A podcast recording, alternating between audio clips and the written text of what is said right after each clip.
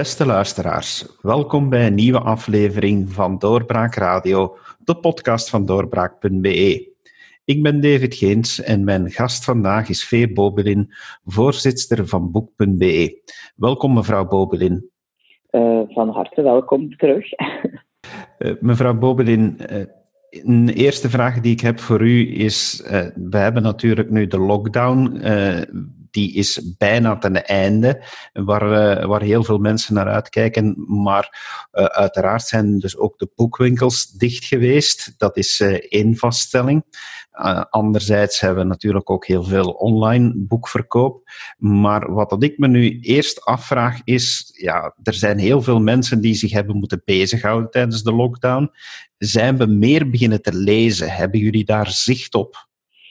Well, um, wat wij eigenlijk uh, vastgesteld hebben, hè, doordat de winkels dicht waren, dat was een, enorme klap. Zowel voor de boekhandels als voor de uitgevers, als voor de auteurs. Hè. En iedereen denkt, ja, de mensen zitten thuis, dus er zal veel meer gelezen worden, dus er zal vooral zullen altijd heel veel boeken verkocht worden. Wat we hebben gemerkt natuurlijk, inderdaad, uh, heel wat boekhandels waren creatief. En uh, zijn dan uh, zelf bestellingen gaan doen en zelf beginnen rondrijden. Daarnaast heb je dan ook een aantal die een webshop hebben. en daar zag je natuurlijk wel nog een serieuze verkoop op online. Maar als je dat eigenlijk in globaliteit bekijkt, dan was dat eigenlijk ja, peanuts in vergelijking met de normale verkoop die maandelijks doorgaat. Dus wij vermoeden uh, enerzijds misschien wel dat er nog altijd een aantal mensen serieus aan het lezen waren, maar dat dat niet uh, zich resulteerde in verkoop van boeken. Hè? Dus dat ze dan misschien gewoon boeken die ze nog liggen hadden. Wij vermoeden ook dat er toch ook een aantal mensen zijn die zeggen: Ik kan me daar nu niet op concentreren, dus ik kan niet lezen. Ik ga enkel lezen wat er nu momenteel gewoon in de media verschijnt. Hè. Dus, uh, omdat dat soms te zwaar is om, om die boeken te lezen. En we hebben ook een aantal mensen die zeggen, ja, door de lockdown zitten wij thuis, uh, maar moeten wij toch nog van thuis uit werken. Het is allemaal veel complexer, zeker als je kinderen hebt. Dus ik denk, de echte boekenfans of liefhebbers, dat die blijven doorlezen zijn. Maar dat er toch ook wel een aantal mensen zijn die zich niet echt konden concentreren op een boek of die gewoon zeggen, ja, ik ga wachten totdat uh, die boekwinkels, ik wil weer gaan snuisteren. En dat ik daar weer goesting in krijg om dan echt boeken te gaan lezen. Het is ook, zijn ook wel heel vreemde tijden. Hè? Dus uh, ik denk dat het echt een, eh, een mengelmoes geweest is. Maar in ieder geval, iedereen heeft wel gezien dat, uh, zeker in de verkoop zelf, dat het zware klappen zijn. En dat heeft ergens ook wel een link met het leesgedrag. Jullie kunnen dus niet vaststellen dat er een enorme verschuiving is naar de online verkoop. We hebben wel gezien dat er een enorme stijging was hè, naar eh, de online verkoop. Dat was uh, de voorbije, ja, zeker vanaf dat winkels dichtgegaan zijn, de maand uh, april. Zelf zag je al een grote stijging van plus 52. En als ik nu vandaag de cijfers op zal vragen voor heel de maand april, dan denk ik dat dat zelfs nog een grotere stijging zal geweest zijn.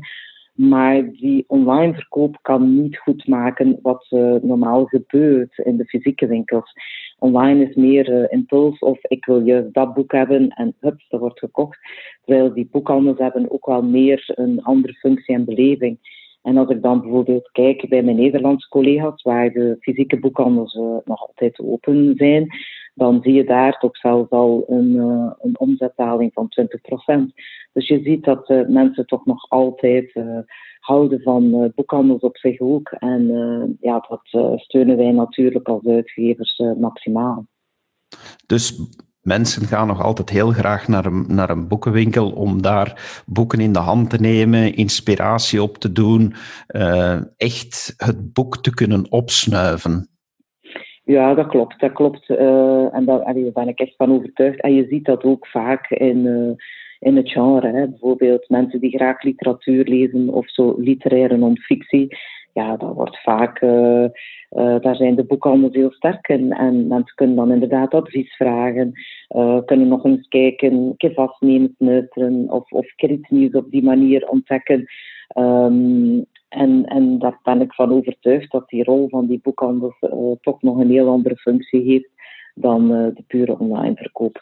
Natuurlijk bij hele populaire, internationaal bekende namen, mensen die fan zijn van een bepaalde auteur, dan merk je natuurlijk, ah, het boek komt, een lockdown of geen lockdown, hups, dat wordt onmiddellijk gekocht online. Maar alles wat dan uh, iets breder gaat, uh, daar uh, zie je toch wel, en, en toch meer naar het literaire of het literaire non-fictiehalte, dan zie je dat mensen echt wel de boekhandel missen en daar naartoe willen om te gaan snuisteren. Een vraag die ik me dan los nu van deze crisis stel, is van in de verhouding tussen wat er verkocht wordt in boekhandels en wat er online verkocht wordt, dan uh, moeten we eigenlijk zeggen van, dat het aandeel van de boekenwinkels toch nog behoorlijk stand houdt. Ja, dat is zo. Hè. Dus uh, van zodra dat wij hoorden als uitgevers dat de boekhandels dicht uh, moesten, dan waren wij allemaal, moet ik zeggen, een beetje het noorden kwijt, omdat we weten van oké, er is een aandeel online, maar alles wat die belevingen rond die boeken zijn, dat, zit, dat zit in die boekhandels. En daar, zeker in, in België, zit de grootste verkoop voor, van boeken nog altijd in die boekhandels. En daar zie je toch wel altijd nog heel sterk het belang van die boekhandels. En wij willen dat maximaal blijven ondersteunen. Wat ik wel fijn vond, is dat, uh, dat je wel zag en, en nog steeds ziet um, dat uh, een aantal boekhandels, eigenlijk zijn dat allemaal echte ondernemers, uh, dan onmiddellijk initiatieven namen onmiddellijk zeggen van ik moet er nog iets doen, want als ik nadien kan doorstarten, wil ik toch hebben dat mensen terug naar mijn boekhandel komen. Ik wil met mijn klanten contact houden, hè, die dan nieuwsbrieven uitsturen, die berichtjes op social, social media zetten van um, als je een boek wilt, uh, bel mij gewoon op of bestel het mij gewoon via de website en ik kom het bij je thuis brengen. En, en dan zie je ook wel dat dat uh, echt uh, prachtige, mooie initiatieven zijn. En waardoor dat je blijft geloven in het boekenvak en dat je zegt, oké, de meeste boekhandels die zullen het wel overleven en dan kunnen wij samen uh, terug gaan doorstarten. De boekhandels, mogen die nu heropenen op 11 mei? Normaal gezien, uh, van zodra dat wij allemaal informatie hadden gekregen dat alle winkels open mochten, uh, mogen de winkels normaal gezien open. Nu, uh, iedereen is wel achter de schermen bezig om uh, ook in die boekhandels uh, alles goed voor te bereiden. Hè. Um, de normen moeten gerespecteerd worden. Ik vraag mij wel soms af van, zelfs als ze open gaan, gaan mensen direct, maar ik denk dat elke sector die vraag stelt, gaan mensen wel direct durven naar de winkel gaan? Gaan mensen ook durven naar een boekhandel gaan? Um, gaan ze zich uh, genoeg op, zich op het gemak voelen om uh, daar te gaan rondsnuisteren. Uh, daar, daar, daar hebben wij nog heel veel vragen over. Maar als de cijfers zoals ze nu worden doorgegeven door, de, door de regering oké zijn, dan gaan de boekhandels mee open. Ja. Zijn er bepaalde protocollen die jullie voorzien hebben of die jullie doorgegeven hebben aan de boekhandels of een sectorafspraak in verband met veiligheid? Ik denk nu maar, ja, gaat het verplicht zijn om handschoenen te dragen voor je boeken uit het rek mag nemen en doorbladeren en terugplaatsen? Die details uh, die zijn nog niet bekend. Hè. Dus uh, wat zeker al speelt zijn mondmaskers, social distancing. Dat moet allemaal al gerespecteerd worden, maar we zijn nog achter de schermen samen uh, enorm met de sector enorm aan het voorbereiden. Sommigen zeggen soms van ja, er zullen zeker handschoenen moeten gebruikt worden. Anderen zeggen van, uh, ja, is dat wel opportun? Dus um, daar zijn nog heel wat vragen die de komende week nog verder moeten uh, opgelost worden. Maar één ding is zeker, als je, en ik denk dat dat niet alleen voor de boekhandels uh, zo zal zijn, in elke winkel, uh, op het moment dat je gaat uh, shoppen, dan zal het een andere wereld zijn, zal het een andere beleving worden. En iedereen zal daar zo zijn plekje moeten invinden. dat, dat is een feit. Is er voor de uitgevers nu heel veel veranderd? Momenteel is het voor ons heel, is er, is er heel veel veranderd. In die zin, als plotseling de boekhandels dichtgaan, dan moet je gaan nadenken van wat met mijn boeken die ik nog aan het produceren uh, ben. Dus wat eigenlijk iedereen gedaan heeft, ook ik als uitgever, is alle boeken die gepland waren gaan bekijken. In overleg gaan met elkaar, met uw team, in overleg gaan met de auteur van gaan, we, gaan we dat boek nu wel uitbrengen of gaan we het boek niet uitbrengen? Gaan we het verplaatsen naar het najaar in de hoop dat alles zich dan een beetje genormaliseerd heeft. Um, of gaan we het boek verplaatsen naar volgend jaar toe? Um, want het heeft eigenlijk geen zin om, om boeken uit te brengen op het moment dat alles dicht is. Hè. Je kan wel een stukje online uh, bepaalde initiatieven nemen, maar dat is niet voldoende om een boek en een auteur maximale uh, kansen te, te, geven. Wat je wel zag, um, en ik denk dat dat nu de komende maanden uh, zo verder zal evolueren, de betrokkenheid van auteurs is altijd al groot geweest en dat was nu nog veel sterker, vind ik. Um, en die gaan dan zelf uh, filmpjes maken, uh, stukken gaan voorlezen van hun boeken, uh, zelf heel veel communicatie doen online via social media, dat wij dan ook gebruikten en door, door hebben geplaatst. En wat ook opmerkelijk was, als bepaalde van die besprekingen dan in de kranten of in de magazines kwamen, dan zag je wel plotseling een, uh, een piek uh, online uh, in de online verkoop. Dus wat, je, wat niet altijd zo is in de, in de, in de tijden voor corona, merk je nu wel dat mensen inderdaad de media enorm consulteren. En als er dan bepaalde zaken in staan van, van auteurs, artikels, boeken, dan zag je wel uh, weken nadien onmiddellijk in je cijfers in, in het online gebeuren toch een, een piek dus dat was wel plezant. En daardoor hebben alle uitgevers gezegd van kom aan, uh, uh, contact, zoveel mogelijk contact houden met auteurs. En kijken wat we met de boeken gaan doen, maar vooral veel online uh, onder de aandacht blijven met allerlei communicatie. Auteurs vinden dat leuk. Sommigen zeggen nee, ik ga dat niet doen, ik ga nu vooral schrijven. mijn boek zal eerder klaar zijn. Um, anderen zeggen, ik kan me niet concentreren, ik ga wel een beetje filmpjes maken. Uh, dus dat is heel wisselend. Maar het accent op het online uh, en met die betrokkenheid van de auteurs, dat was nu de voorbije weken wel heel, heel, heel sterk aanwezig. En ik denk naar het najaar dat die trend vooral zal doorgezet worden. Om, om eenvoudige reden en dat weet iedereen, het, eh, er is geen vaccin. En zolang dat er geen vaccin is, zal de wereld er anders uitzien. Ook voor het boekenvak. En ik ben ervan overtuigd dat als wij geen presentaties kunnen geven, vaak worden er heel veel presentaties gedaan, zowel in het voorjaar als het najaar, um, en dat dat allemaal niet, niet, niet kan doorgaan of uh, geminimaliseerd wordt, ja, op welke manier kan je dan boeken onder de aandacht brengen? En dan ga je op een bepaald moment gaan uh, grijpen naar andere media. Je begint uh, creatief nieuwe formules, formules uit te werken. En ik denk dat het accent naar heel veel digitale communicatie, dat dat uh, in het najaar nog zwaar zal versterkt worden. Daar ben ik van overtuigd. Dat is dan eigenlijk een positief iets uit de crisis, want ik denk dat uh, heel veel lezers het ook wel aangenaam zullen vinden om uh, meer interactiviteit te hebben met de auteurs. Dus als dat blijvend kan zijn, dan uh, is dat een pluspunt, vindt u ook niet? Ja, ik vind, dat, ik vind dat ook een pluspunt. Maar eigenlijk, de wereld verandert voortdurend. Hè. Dus wij zagen ook al de voorbije jaren in het boekenvak dat de cijfers naar naar omlaag ging, dat er minder boeken werden gekocht. Uh, dus iedereen was al een beetje op zoek naar andere formules. En het digitale aspect was daar ook één van.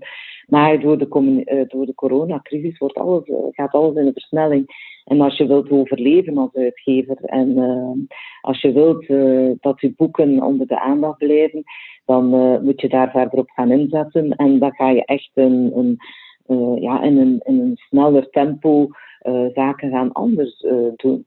Dus uh, ik merk dat nu ook al, hè, dat wij voortdurend zeggen van, ja, maar bij dat boek, we gaan al direct kijken of dat we, of dat we daar niet specifiek digitaal kunnen doen, of zijn er bepaalde platforms, digitale platforms, waar we nog extra content kunnen plaatsen van een boek. Um, en zo, zo gaat, dat, gaat dat echt wel door. En ik hoor dat ook van, van, van andere uitgevers. En dus ik vind dat wel een pluspunt.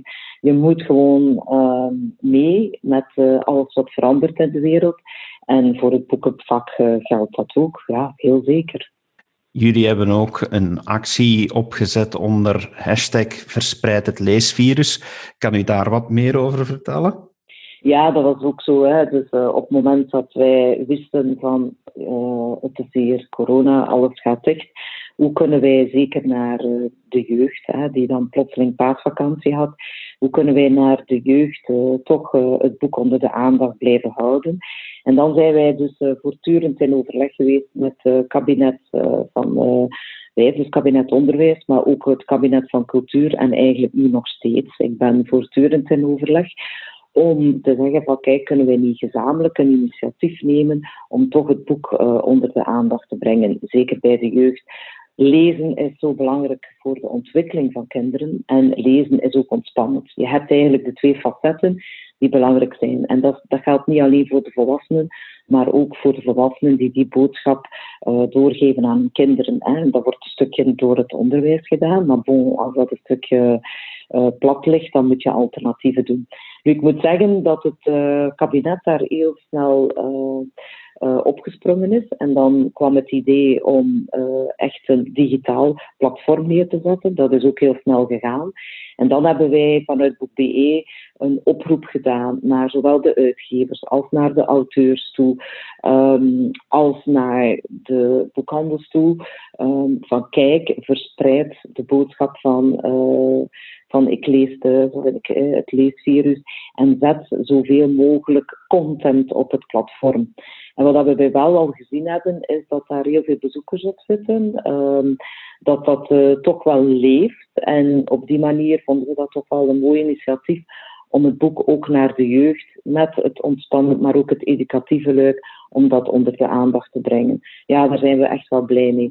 Ik zeg niet dat dit uh, alles oplost, uh, maar het is toch ook een, een creatieve manier geweest en, echt in een versneld tempo om het boek naar de jeugd uh, onder de aandacht te brengen. Komen er nog zulke initiatieven aan? Oh, we hebben nog veel gedaan al.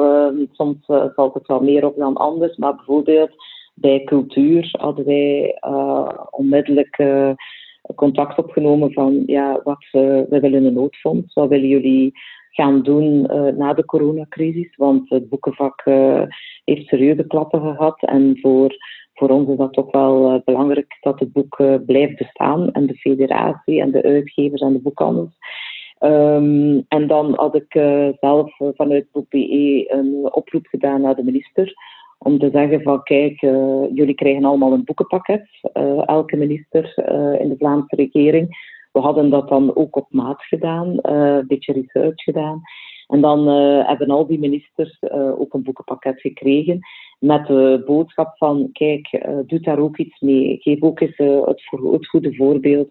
Hoe belangrijk dat het is dat boeken blijven gelezen worden. Het is zo spannend, ook in coronatijd. Um, en daar zijn dan ook wel een aantal uh, ministers opgesprongen. Um, en die zijn dan beginnen uh, boodschapjes maken. Uh, we hebben dat dan ook allemaal op het platform gezet.